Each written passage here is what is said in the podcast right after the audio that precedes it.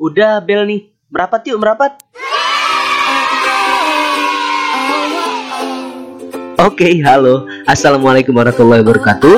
Balik lagi bersama saya, Ma'ruf El Munil dalam podcast Pikir-pikir lagi.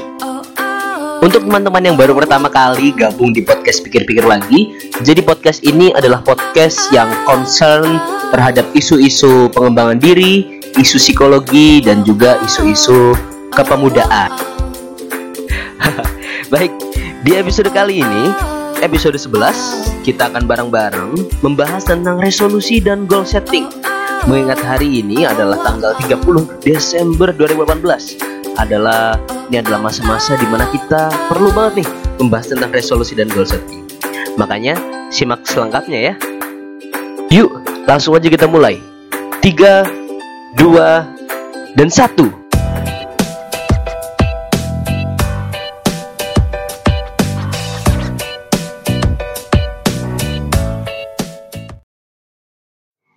Di penghujung tahun ini, teman-teman pasti ini sudah mulai memikirkan ya. Atau mungkin malah sudah ngecek-ngecek. Sebenarnya di tahun ini resolusi apa aja sih yang sudah terlaksana atau mungkin yang belum terlaksana? Coba dicek. Karena ya saya bilang tadi seperti tadi ya jujur-jujurnya kadang kayaknya nggak semua orang terbiasa untuk membuat resolusi tahunan juga. Atau malah ya ya tadi ada yang emang dia tuh menuliskan resolusi, ada juga yang tidak menuliskan, tapi dia tahu tujuannya apa. Banyak hal. Coba, makanya saya menyadarkan teman-teman, ayo coba kita pikirkan dulu, kira-kira apa aja sih resolusi tahun lalu, dan sejauh mana kita saat ini. Apakah kita sudah sebegitu dekatnya dengan tujuan kita, atau mungkin masih sangat jauh? Nah, sebagai pembukaan, pada episode ini, nanti akan saya bahas kaitannya tentang bagaimana sih kita membuat goal setting itu, tapi sebelum ke sana, kita akan dulu membahas tentang resolusinya. Jadi bagaimana kita menetapkan resolusi dan mengapa resolusi itu penting nanti kita akan mulai dari sini. Pertama kali saya pengen bercerita sedikit. Oh bukan cerita sih ya, ini ada sebuah penelitian yang dilakukan di Harvard University. Jadi penelitian penelitian itu memiliki hasil seperti ini teman-teman. Jadi di sana itu dari 100% yang orang-orang yang diteliti 80% dari mereka itu adalah orang-orang yang tidak punya tujuan. Tidak punya tujuan secara spesifik dalam artinya ya udah mengalir aja. Mengalir dengan apa yang ada di hidupnya seperti itu. Kemudian 13% dari mahasiswanya itu punya tujuan yang spesifik tapi dia tidak menuliskan dan sisanya yaitu 3% dia menuliskan secara spesifik, dia tahu spesifik dan juga tadi dituliskan target-target atau mungkin tujuan-tujuan yang dia inginkan. Hasilnya sangat menarik. Ternyata setelah diteliti ulang, setelah mereka lulus 10 tahun kalau kalau tidak salah, 10 tahun berikutnya mereka semua diteliti, dikembali dikumpulkan datanya, ada hal-hal yang mengejutkan. Yang tadi 13% yaitu adalah golongan orang-orang yang punya tujuan spesifik tapi tidak menuliskan ternyata punya penghasilan dua kali lipat lebih besar dari 80, 84% orang yang tadi yaitu orang yang tidak punya tujuan secara spesifik. Dan mengejutkannya lagi adalah orang 3% orang dari 100% tadi yaitu golongan orang yang punya tujuan spesifik dan kemudian dia juga menuliskan tujuannya ternyata dia apa ternyata dia punya penghasilan 10 kali lipat lebih besar dari 80%, 84% tadi. Nah, dari sini teman-teman mungkin akan mulai sadar gitu ya. Wah, kok bisa seperti itu terjadi? Ya, jawabannya ya jelas saja sih. Sebenarnya ini akan banyak banget sih penjelasannya kenapa hal-hal itu bisa terjadi. Tapi setidaknya mungkin kalau dari pendekatan apa ya kalau dari saya pribadi menjelaskan seperti ini teman-teman. Kalau seandainya kita punya punya tujuan walaupun tidak dituliskan setidaknya hanya dipikirkan atau mungkin pernah dibicarakan atau mungkin pernah diucapkan sebenarnya banyak hal yang akan terjadi. Jadi segala macam di dunia ini kan beresonansi. Ketika kita termasuk tadi entah itu menuliskan entah itu memikirkan entah itu berbicara entah itu keceplosan semuanya itu kan beresonansi. Memiliki resonansi dan akhirnya ya itu bisa terjadi. Makanya sederhana gini kita perlu meningkatkan hal-hal semacam ini untuk apa? Untuk meningkatkan kualitas hidup kita, untuk meningkatkan kualitas arah dan juga tujuan dari kita, atau mungkin meningkatkan kualitas dari mimpi kita, sehingga yang tadinya mimpi-mimpi tadi besok-besok sudah bukan lagi mimpi, tapi sudah bagian dari diri kita. Nah, teman-teman, yang menjadi latar belakang dari cerita tadi adalah apa? Tentunya kita sama-sama sadar bahwasannya, wah gila, penting banget sih emang. Berarti emang harus ditulis ya tujuan itu, target itu. Tapi jujur-jujur gini teman-teman, saya pribadi bukan golongan orang yang mungkin ketika SMA atau mungkin dari SMP sudah menuliskan 100 tujuannya ya jujurnya saya bukan bukan yang seperti itu bukan berarti tidak mau tapi sering kali ya tadi saya saya juga golongan orang yang mungkin sama kayak teman-teman. Suka bingung aduh ngapain sih nulis tujuan gitu? Kayaknya nanti juga hilang kertasnya atau apa segala macam. Wah kayaknya ya seperti itulah. Saya yakin banyak lah teman-teman yang mungkin juga merasakan hal, -hal seperti itu. Tapi jujur-jujurnya riset tadi juga menyadarkan diri saya. Saya saya bahkan memikirkan wah udahlah mulai tahun ini coba tuliskan aja lah coba dituliskan. Dan akhirnya banyak hal juga yang kemarin-kemarin sudah saya sadari jadi setelah saya mencoba membuat materi ini banyak hal refleksi itu ya yang saya coba. Termasuk adalah bagaimana saya saat ini mulai dipercaya untuk diberi atau mungkin diberi kesempatan menjadi entah itu motivator, trainer, public speaker dan sebagainya. Yang benar-benar saya sadari adalah hal ini mungkin jujurnya pernah saya tuliskan. Ketika itu saya ingat banget ketika di SMA saya kedatangan seorang motivator. Namanya adalah Ferry Curtis. Mungkin teman-teman kurang familiar tapi dia bisa dicari Ferry Curtis. Dia juga adalah seorang musisi. Dan ketika itu saya diminta untuk menuliskan. Dan ketika saya menuliskan ada memang di situ yang saya tuliskan adalah ingin menjadi motivator. Jujurnya seperti itu. Dan ketika itu kan dimintanya suruh 100 ya. Karena saya berpikir ah pokoknya aku nggak belum punya sebanyak itu target tujuan atau mungkin harapannya. Akhirnya hanya beberapa hal yang saya catat ya namanya karena anak SMA gitu ya. Jadi masih ingatnya oh udahlah bercanda-bercanda aja sama teman lebih asik. Nah akhirnya gitu. Saya hanya sempat menuliskan beberapa hal. Salah satunya salah satunya adalah itu. Dan mungkin kertasnya sekarang juga udah hilang ya. Tapi yang luar biasa adalah saya juga tidak tahu ya mungkin tadi yang saya bilang ada resonansi sendiri ada ada sebuah resonansi yang mengantarkan saya kepada titik ini. Ibaratnya saat ibaratnya begini, mungkin kita sudah kenal gitu ya. Ada sebuah semboyan, eh semboyan apa sebutannya? Mungkin quotes gitu ya. There is a will, there is a way. Di mana ada keinginan di situ ada jalan. Mungkin ini adalah hal yang sangat cocok banget gitu ya. Karena ya tadi alam itu akan bekerja buat kita. Atau mungkin ya ya ada tangan ada tangan-tangan magis lah. Ada sentuhan-sentuhan Tuhan. Ada Allah di sana yang mungkin menggerakkan berbagai macam hal gitu ya. Jadi kalau bicara kita bicara masalah doa itu kan kalau kita bicara masalah doa itu ketika kita menginginkan sekarang terkadang bisa dikabulkannya bukan saat ini juga. Karena biasanya apa yang kita harapkan itu tidak sesuai dengan yang tidak sesuai dengan ketentuannya. Kita kita merasa wah kayaknya hal ini atau mungkin saat ini adalah saat yang cocok. Tapi ternyata buat Tuhan saat ini bukanlah hal yang cocok. Atau mungkin ada hal lain yang lebih cocok dengan diri kita. Jadi banyak hal. Dan singkat cerita saya pun sedikit demi sedikit mulai menyadari hal ini. Saya mulai merasakan bahwasannya ketika ketika saya itu saya ingat ketika itu masih kelas 2 SMA gitu ya. Setelah kelas 3 lulus tiba-tiba mengantarkan saya kepada lulu apa kuliah di psikologi maksud saya. Kuliah di psikologi kemudian mengantarkan saya lagi di mendapatkan beberapa guru dan juga teman-teman. Atau ya jujur-jujurnya ya mungkin walaupun tidak mulus-mulus banget ya jalan saya tapi setidaknya yang pengen saya ceritakan adalah ada konspirasi ada konspirasi alam semesta, ada konspirasi dunia yang menggerakkan ini semua. seperti saya ketemu dengan seorang guru yang kemudian menawarkan saya tentang hipnoterapi, tentang mempelajarinya. Kemudian saya juga ketemu dengan seorang pengusaha yang mengajarkan saya dengan teknik-teknik marketing dan juga teknik komunikasi marketing ala MLM dan sebagainya.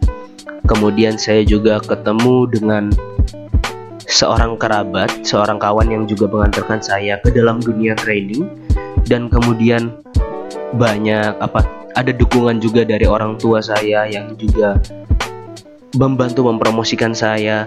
Dan juga ada kepercayaan dari teman-teman saya sendiri. Dan dan banyak hal yang pengen saya kasih tahu ke teman-teman. Ini adalah hal yang mungkin saya bilang adalah ya saya seselin gitu ya. Kenapa pas itu cuma nulis hanya sedikit? Kenapa nggak dari dulu tulis banyak hal gitu? Untuk tujuan dan ini ya. Mungkin itu aja deh. Itu aja sedikit kisahnya.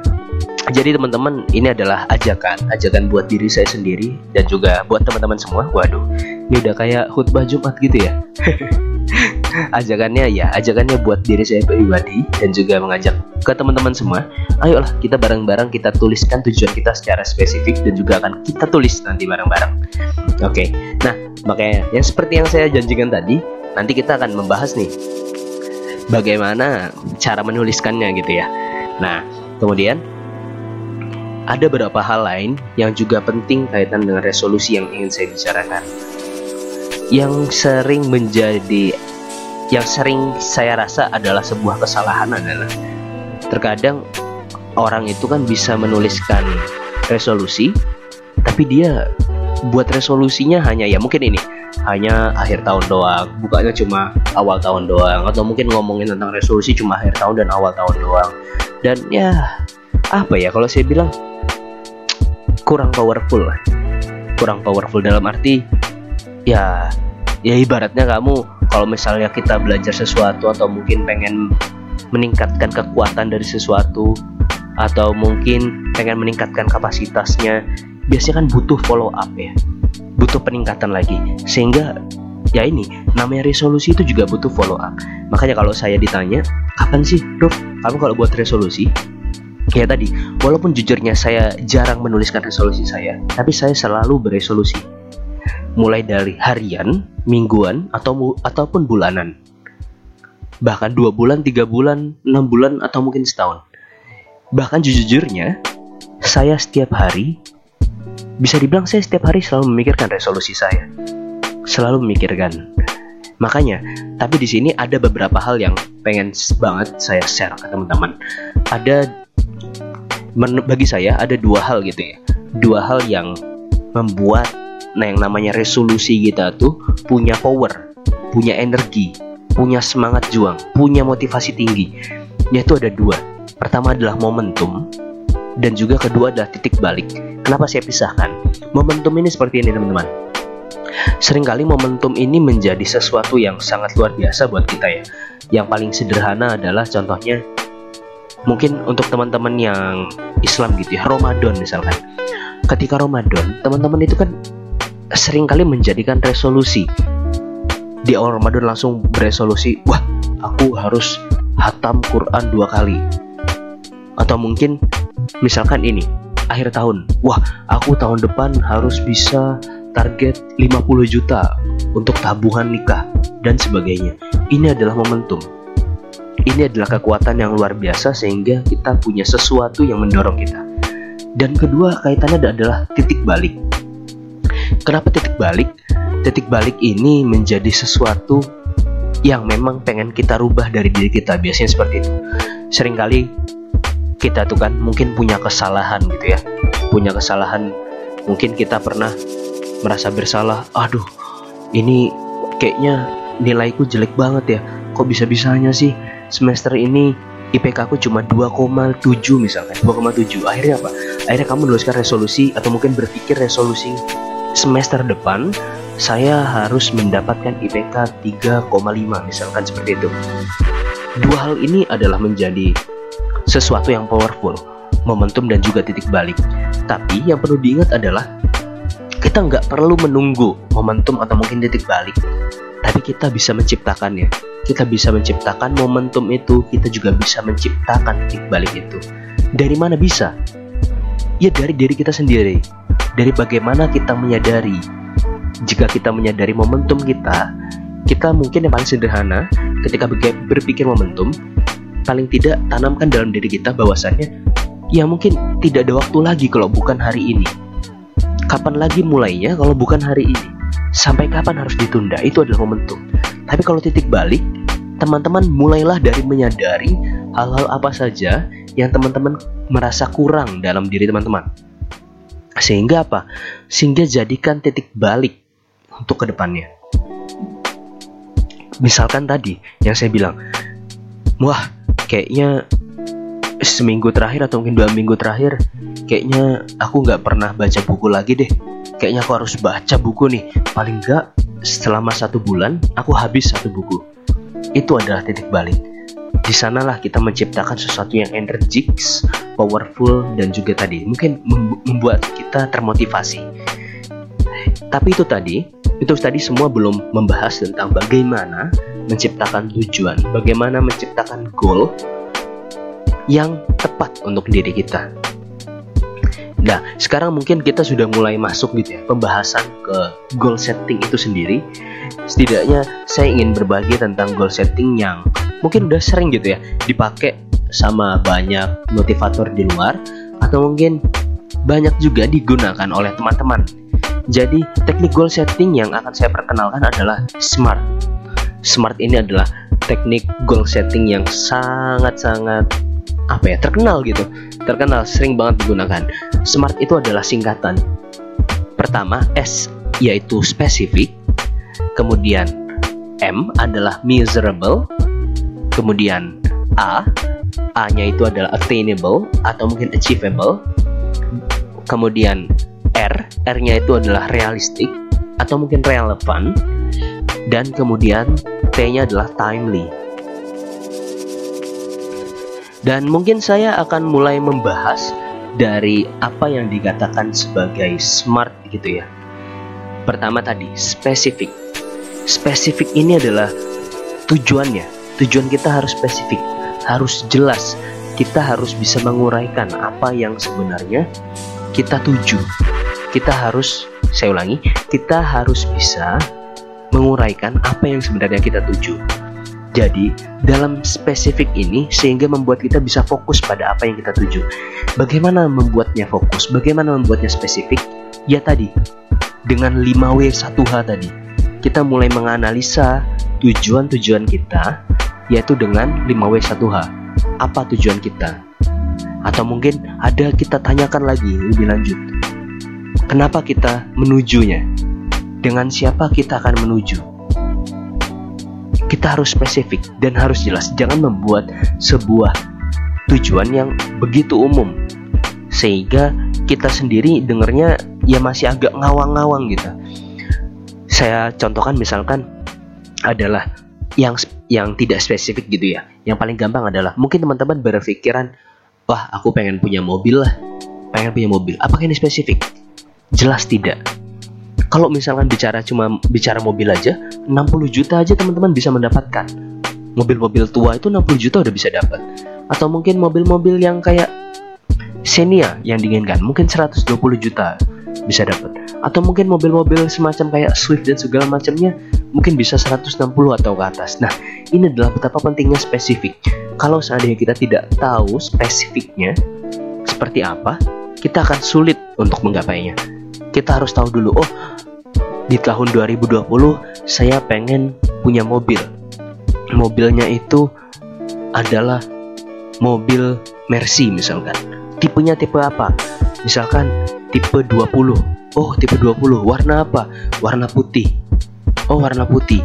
Harganya berapa ya? Itu ya. Oh, segini. Oh, berarti mobil ini harga sekian, tipe sekian, ini sekian. Itu harus spesifik. Sehingga kita tahu apa yang kita tuju.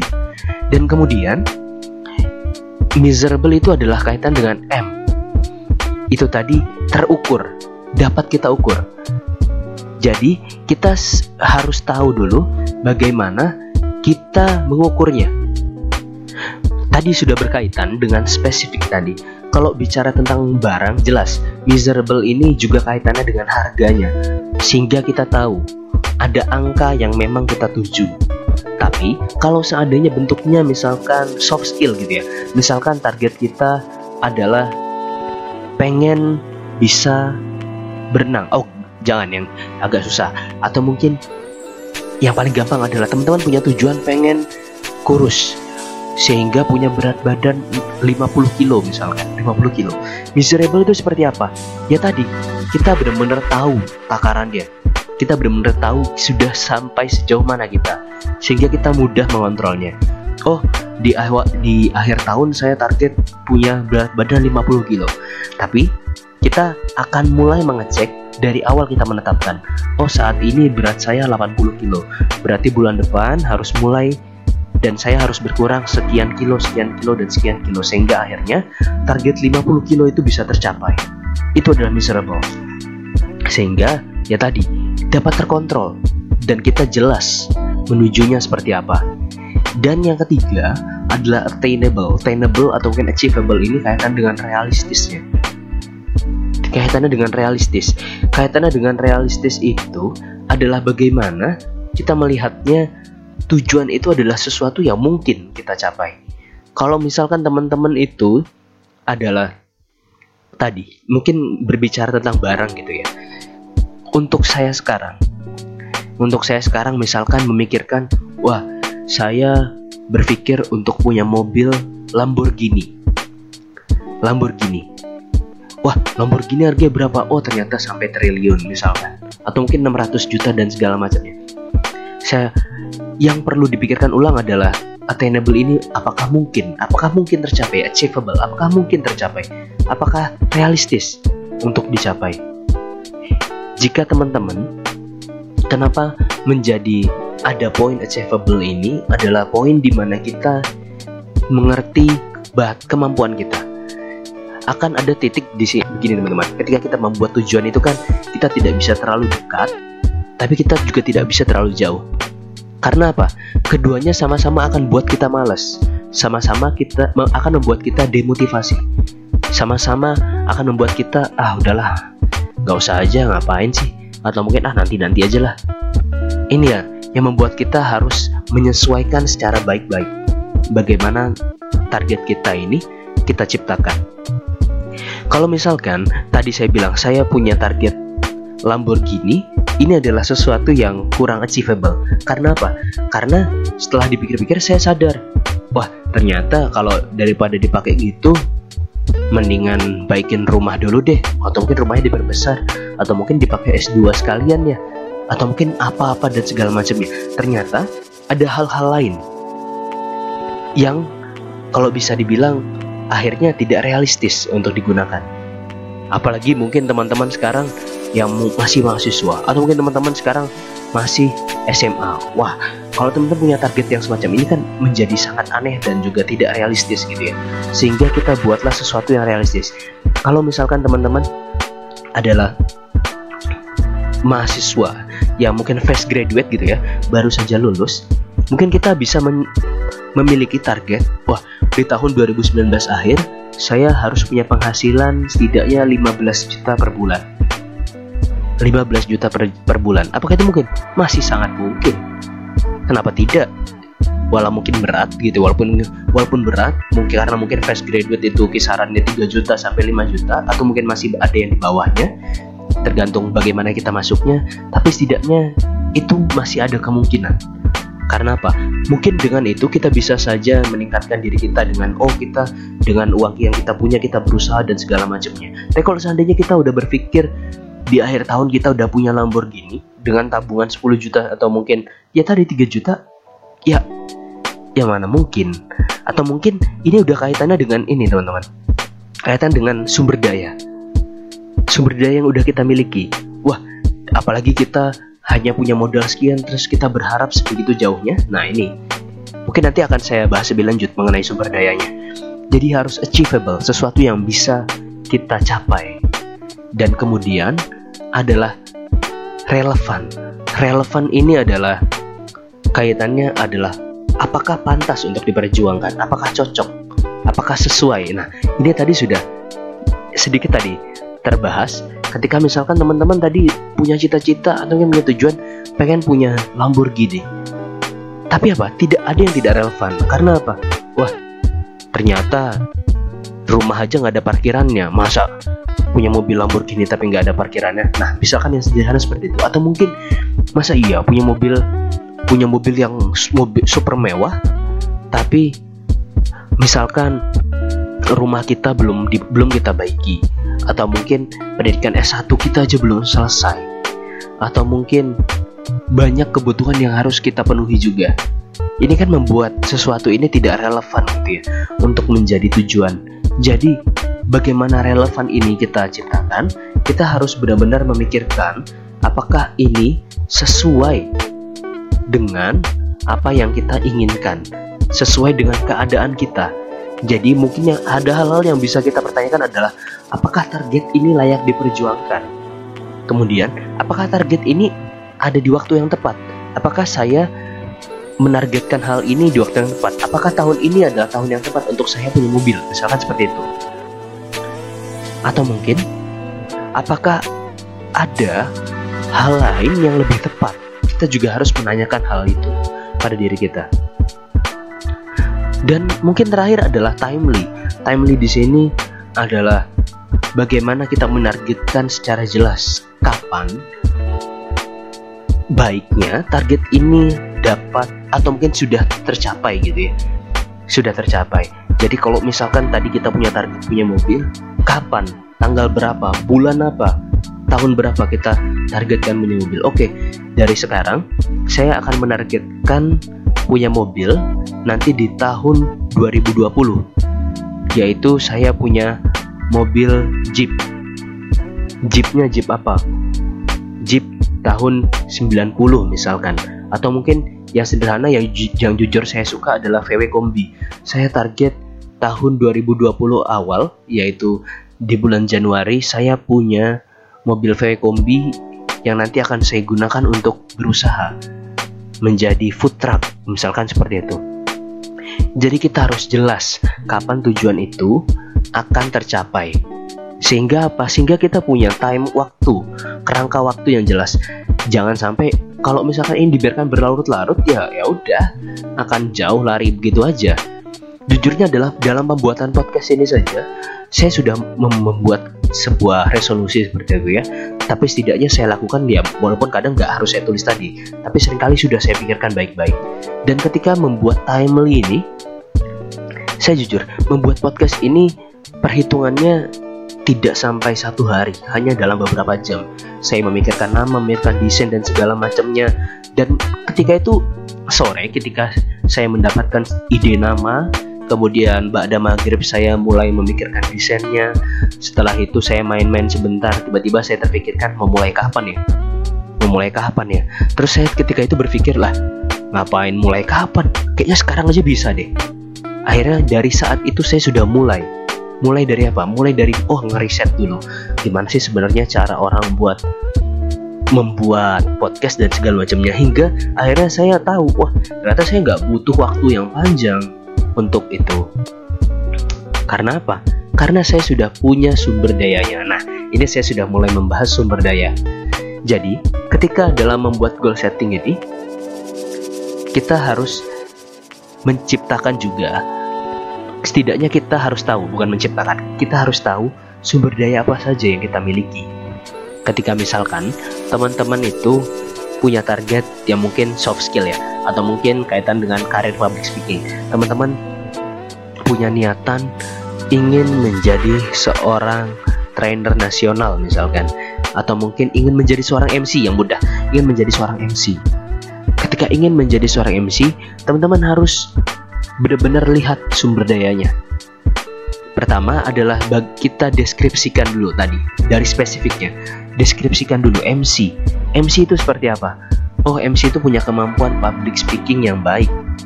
Punya kemampuan public speaking yang baik. Dan ketika itu sudah dideskripsikan di bagian tujuan, kita harus melihat dalam diri kita. Dalam diri kita, yaitu apa? Sumber dayanya. Emang kita sudah seberapa jago sih public speaking? Sehingga kita punya target seperti itu. Hingga akhirnya apa? Nanti kita akan juga dapat menentukan rentan waktunya. Kapan sih saya akan bisa mencapai itu? Nah makanya sumber daya ini harus benar-benar kita pahami baik-baik. Jadi kalau dalam dunia pengembangan diri itu adalah ada yang namanya ideal self adalah self diri kita yang kita anggap ideal yang kita inginkan tapi ada juga real self diri kita saat ini. Dan di antara dua itu ada yang namanya gap. Ada sesuatu yang berjarak. Ada yang memisahkan antara diri kita yang sebenarnya dan diri kita yang kita inginkan. Dari sana itulah yang akan kita lebur menjadi kerangka dalam goal kita. Kerangka dalam goals kita yang mungkin nanti ke depan kita bisa menuliskannya atau mungkin bisa kita breakdown dengan mind map. Ini kalau breakdown dengan mind map, jujur saya lebih sering membreakdown dengan mind map daripada saya sekedar menuliskan goal setting seperti itu. Karena bagi saya mungkin lebih enak dan saya bisa lebih tahu apa saja yang harus saya lakukan. Ketika misalkan kita membreakdown dengan mind map itu sangat enak, sangat luar biasa ketika misalkan teman-teman tadi punya target namanya ingin menjadi seorang MC terkenal di Jogja misalkan atau mungkin MC terkenal di Indonesia Oke, bagaimana caranya? Sekarang kita lihat diri kita. Oh, diri kita adalah masih mahasiswa, seorang mahasiswa. Oh, kita tulis seorang mahasiswa. Kemudian kita tuliskan lagi punya skill public speaking cukup.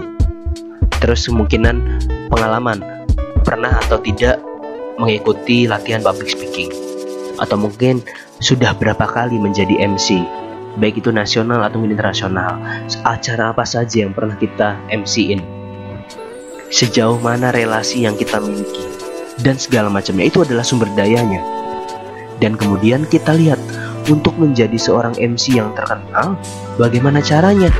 Oh ternyata bagi saya MC yang terkenal itu adalah seorang entertainer yang kayak di TV oh begitu. Berarti apa aja sih yang harus dimiliki oh, oh ternyata di sana ada tambahan. Tambahannya apa? Oh ternyata harus berpenampilan menarik juga. Oh ternyata harus punya kemampuan yang unik juga. Terus kemudian di sana oh ternyata setidaknya kita harus punya pengalaman di dunia jurnalis misalkan. Atau mungkin setidaknya kita pernah ikut casting. Atau mungkin kita bisa memulainya. Biasanya MC-MC terkenal mulai dari radio. Oh akhirnya kita sudah mulai memikirkan bagaimana. Sehingga akhirnya dari gapnya, dari jarak yang udah kita tahu tadi, kita akhirnya bisa menentukan apa langkah pertama bagi diri dari kita. Ya tadi, menguraikannya dengan apa? Dengan mind map.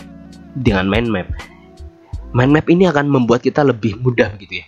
Ketika tadi mind map tadi kita menuliskan target kita misalkan adalah menjadi MC terkenal, kita akan membuat mind map. Ketika tadi pertama adalah meningkatkan skill public speaking. Kedua, misalkan kita bisa mengikuti training public speaking.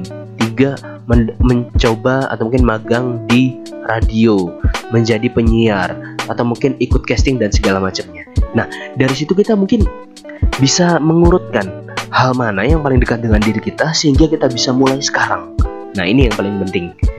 Kita harus menganalisa mana step pertama kita. Kalau bisa carilah yang paling dekat sehingga kita tidak perlu lagi menunggu kapan harus memulai.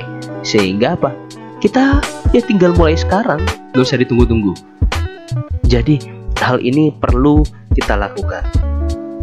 Dan kemudian yang jelas apa ya? Ini akan membuat target kita semakin powerful. Jadi kalau saya bilang goal setting smart tadi adalah ya tadi smart itu adalah spesifik miserable attainable relevant dan timely tadi. Itu akan menjadi begitu energizing dan mungkin bisa dibilang apa ya powerful itu adalah dengan mind map. Kalau saya bilang mind map ini adalah dia akan membuat goals kita semakin powerful. Karena apa? Karena kita tahu uraiannya secara jelas dan mungkin setelah itu kita akan tahu juga hal apa yang akan kita lakukan. Baik, mungkin pada episode ini itu saja yang saya sampaikan.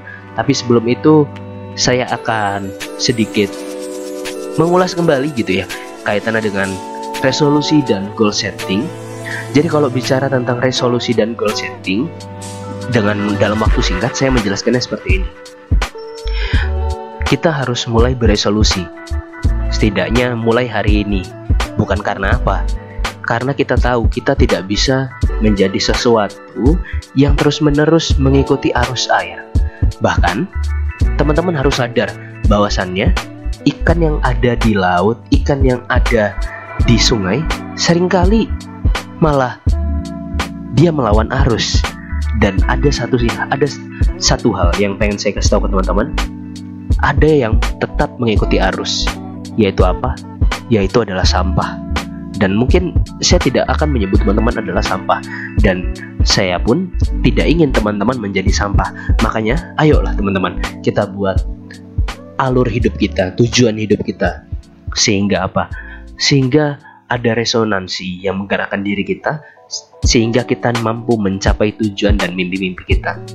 Dengan cara apa? Yaitu tadi dengan menciptakan goals kita, menciptakan tujuan kita. Ada banyak hal yang bisa kita lakukan. Salah satu hal yang bisa kita lakukan adalah membuatnya atau merangkumnya dalam metode SMART. Yang mana S itu adalah spesifik, M itu adalah measurable, A itu adalah attainable, R itu adalah relevan dan T adalah timely. Bagaimana tujuan itu spesifik dan kemudian bagaimana tujuan itu terukur yang kemudian ketiga A itu kaitannya dengan bagaimana apakah kita mampu achievable apakah bisa kita capai apakah realistis dan kemudian R adalah relevan apakah sudah saatnya kita memiliki ini atau mungkin apakah sudah selayaknya hal ini diperjuangkan saat ini? Dan terakhir adalah timely, punya ukuran waktu. Dan kemudian ada banyak hal juga yang bisa memperkuat hal ini. Salah satunya adalah dengan menciptakan mind map. Dengan mind map, kita bisa tahu secara detail apa saja yang kita punya dan apa saja yang tidak kita punya. Dari sana, kita akan bisa menciptakan langkah-langkah dari mana kita akan mulai, sehingga kita bisa menyusun juga mana hal yang paling dekat dengan diri kita dan mana yang jauh. Dan saran saya adalah teman-teman, ayolah mulai dari yang terdekat. Cari yang terdekat, cari langkah terdekat dari diri Anda sehingga teman-teman itu nggak perlu menunggu waktu untuk memulainya bisa dimulai kapan? Ya, dimulai dari teman-teman menuliskan resolusi dan dari saat itulah teman-teman mulai berjalan mendekati tujuan atau mungkin cita-cita teman-teman. Yang tadi saya bilang, karena apa? Karena ada gap antara real self diri kita saat ini dan juga ideal self diri kita yang kita inginkan. Ada mungkin di di masa depan seperti itu ya. Baik, itu saja dari saya. Semoga bermanfaat. Mungkin teman-teman bisa, saya harap memberikan waktu gitu ya, buat mungkin bisa nge-like gitu ya kalau misalkan yang dengerin via Anchor atau mungkin kalau bisa di kalau misalkan di Spotify mungkin bisa. Kalau teman-teman suka gitu ya, klik share biar nanti sharenya bisa ke mana aja yang teman-teman suka. Mungkin yang paling enak di story di Instagram gitu ya dan jangan lupa tag saya Nanti mungkin kita akan bisa berdiskusi lebih lanjut kaitan dengan goal setting karena kita sama-sama masih berjalan menuju harapan kita. Yang jelas tidak ada kata berhenti gitu ya, apalagi sebelum kita mati. ya udah, itu aja mungkin dari saya. Sampai jumpa lagi di podcast pikir-pikir lagi episode selanjutnya. Dadah.